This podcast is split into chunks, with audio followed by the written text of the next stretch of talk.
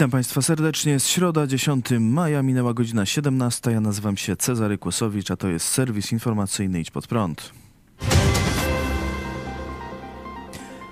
Premier chciałby przywrócenia kary śmierci. Dziś na konferencji prasowej premier Mateusz Morawiecki komentując sprawę zakatowania na śmierć ośmioletniego Kamila z Częstochowy stwierdził, że osobiście jest zwolennikiem stosowania kary śmierci. Miejsce takich bandytów, takich oprawców, takich zwyrodnialców jest nie tylko w więzieniu. Zresztą ja swoje zdanie wyraziłem na ten temat już nieraz, że dla przestępstw ze szczególnym okrucieństwem, przestępstw z taką premedytacją wobec tak niewinnych ofiar, e, ja jestem osobiście zwolennikiem również e, przywrócenia kary śmierci, ale ona dzisiaj została zniesiona w całej Premier stwierdził, że w warunkach, w jakich działa, czyli bez możliwości powrotu kary śmierci, konieczne jest jednak podwyższenie kar za znęcanie się i poinformował, że polecił ministrowi sprawiedliwości bardzo pilne zajęcie się tym tematem. Chodzi o artykuł 207 kodeksu karnego, który za fizyczne lub psychiczne znęcanie się nad osobą najbliższą przewiduje karę od 3 miesięcy do 5 lat więzienia, a w przypadku znęcania ze szczególnym okrucieństwem do 10 lat więzienia.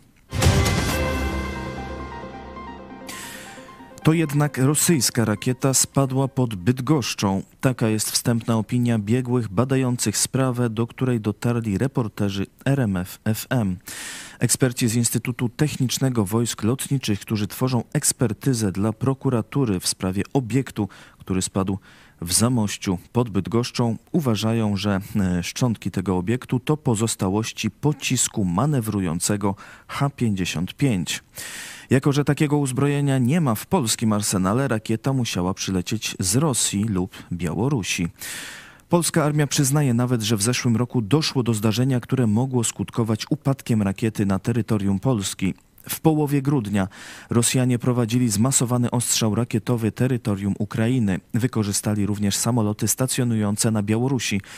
Jeden z rosyjskich bombowców Su-34 zbliżył się do polskiej przestrzeni powietrznej, a na radarach pojawił się obiekt, który wleciał z nad Białorusi w przestrzeń powietrzną Polski. Polskie służby śledziły obiekt, ale zgubiły go w okolicach Bydgoszczy, nieopodal miejsca, gdzie cztery miesiące później zostały znalezione pozostałości pocisku.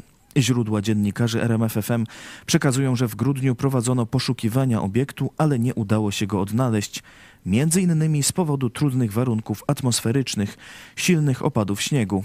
Według RMF Wojsko nie powiadomiło wtedy prokuratury o naruszeniu polskiej przestrzeni powietrznej przez niezidentyfikowany obiekt. Śledztwo rozpoczęło się dopiero pod koniec kwietnia, po tym jak obiekt znalazł przypadkowy świadek i powiadomił służby cywilne. Dowództwo operacyjne rodzajów sił zbrojnych ani prokuratura nie chcą ujawniać szczegółowych informacji do czasu zakończenia śledztwa. Radio Tok FM broni się przed karą za krytykowanie podręcznika. 28 kwietnia, tuż przed długim weekendem majowym, przewodniczący Krajowej Rady Radiofonii i Telewizji Maciej Świrski poinformował nadawcę Radia Tok FM o nałożeniu kary w wysokości 80 tysięcy złotych. Urzędnik zdecydował o ukaraniu stacji w związku z audycją z 7 czerwca zeszłego roku, w której krytykowano słynny podręcznik do przedmiotu Historia i teraźniejszość autorstwa profesora Wojciecha Roszkowskiego. Kilka dni temu opublikowano białą księgę prezentującą fragmenty korespondencji i przebieg całej sprawy, która ciągnie się od czerwca zeszłego roku. Krajowa Rada Radiofonii i Telewizji wymieniała pisma z przedstawicielami spółki Inforadio, wydawcy TOK FM. Zarzuty wobec radia dotyczyły słów dziennikarza Piotra Maślaka, który prowadził audycję na temat kontrowersyjnego podręcznika do hitu.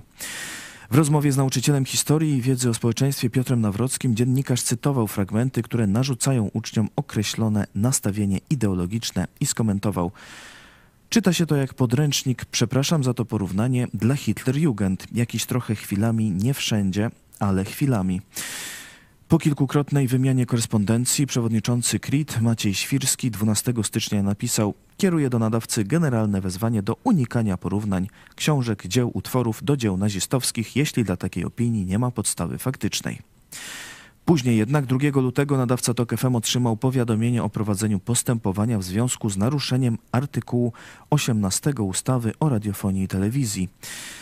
Kiedy 28 kwietnia spółka Inforadio otrzymała powiadomienie o nałożeniu kary, okazało się, że zarzuty dotyczą innych słów Piotra Maślaka z tej samej audycji, które według Krajowej Rady Radiofonii i Telewizji naruszają godność ofiar II wojny światowej, między innymi poprzez użycie słowa cierpiętny w wypowiedzi Wyjdą być może bardzo dumni z faktu, że są dziedzicami spuścizny żołnierzy wyklętych, czy cierpiętną ofiarą, której się cały czas coś należy, a nie dostaje. Patrz lekcję na temat ofiary II wojny światowej i niemieckich braków w spełnieniu roszczeń. Problemem ma być też to, że w audycji wspomniano, że autor podręcznika to były eurodeputowany z PiSu. Redaktor naczelna TOK FM Kamila Ceran stwierdziła w oświadczeniu, że zarzuty brzmią absurdalnie i próbowała odpowiedzieć na pytanie, skąd ten atak na TOK FM. Co się ostatnio zmieniło? Widzę jedną taką kwestię. Złożyliśmy wniosek o odnowienie koncesji Radia Tok FM na kolejne 10 lat. Obecna koncesja wygasa 3 listopada. Zarząd spółki Inforadio wydawcy TOK FM także wydał oświadczenie, w którym czytamy Stanowczo nie zgadzamy się z postawionymi zarzutami ani podstawą prawną, na którą powołuje się KRIT. Uważamy, że jest to bezwzględny zamach na niezależne medium, które jest platformą wymiany opinii w istotnej społecznie debacie publicznej.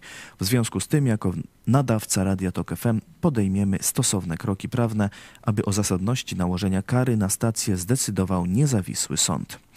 Sprawę komentował dziś Widź pod prąd na żywo pastor Paweł Chojecki. Że kontekst był nawet taki, że ten Roszkowski, autor tego podręcznika, mógł się ustosunkować, nie? Że ten go pyta, ten odpowiada, czyli tu równouprawnienie, a mimo wszystko już tam maczuga pisowska wali e, karą 80 tysięcy za to jedno zdanie, nie? To zobaczcie, jaki ład medialny e, chcą wprowadzić e, i jeszcze do tego mogą nie dostać koncesji. Nie? Także o wolności mediów w Polsce zapomni. To jest plan katokomuny, żeby tu żadnej wolności nie było, żeby tylko pozorować wolność. Jeśli ktoś może nadawać koncesję, to może je odbierać i w tym momencie nie mamy żadnego niezależnego dziennikarstwa. No to tak najkrócej ujmując. Nie? Dopóki będą koncesje, dopóty nie będziemy mieć wolnych mediów. Kropka. Królewiec nie Kaliningrad. Taka jest decyzja polskiej komisji. Komisja Standaryzacji Nazw Geograficznych poza granicami Rzeczypospolitej Polskiej, działająca przy głównym geodecie kraju, ogłosiła, że rekomenduje używanie nazw Królewiec i Obwód Królewiecki, a nie Kaliningrad i Obwód Kaliningradzki. Komisja uzasadnia decyzję tym, że obecna rosyjska nazwa tego miasta jest sztucznym chrztem niezwiązanym ani z miastem, ani z regionem, a ponadto upamiętnia zbrodniarza Michaiła Kalinina, którego podpis widnieje pod decyzją o wymordowaniu polskich jeńców w Katyniu. Komisja dodaje, że wpływ na decyzję miała napaść Rosji na Ukrainę.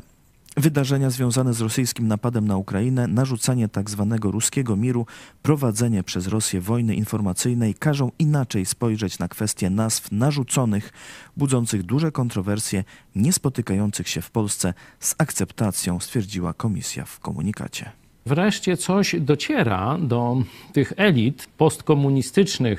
I ta taka podległość y, w stosunku do Rosji, y, ten towarzysz Szmaciak powoli gdzieś idzie w przeszłość, za powoli jak dla mnie. Postulat, żeby w ogóle wypędzić Rosję y, z okręgu królewieckiego, który jest jej łupem wojennym, to jest postulat, który już także z doktorem Pawłuszkośmy tutaj rozmawiali o tym, także coraz więcej politologów, polityków, polityków polskich zaczyna o tym coraz odważniej mówić i ta decyzja na razie tylko językowa, y, ona jest no pięknym wstępem do dalszych działań na rzecz sprawiedliwości dziejowej. E, czy myślisz, że będzie jakaś reakcja Rosjan? Czy powinniśmy się obawiać? Mam to w dupie. To wszystko w tym wydaniu serwisu. Dziękuję Państwu za uwagę. Zapraszam jeszcze na 18 e, na program o tym, jak nadmierne korzystanie ze smartfonów wpływa na rozwój dzieci. Otępienie cyfrowe. Czy pozbawiasz swoje dziecko rozumu? Dziś o 18 w telewizji Idź Pod Prąd. Dziękuję bardzo. Kolejny serwis jutro o 17. Do zobaczenia.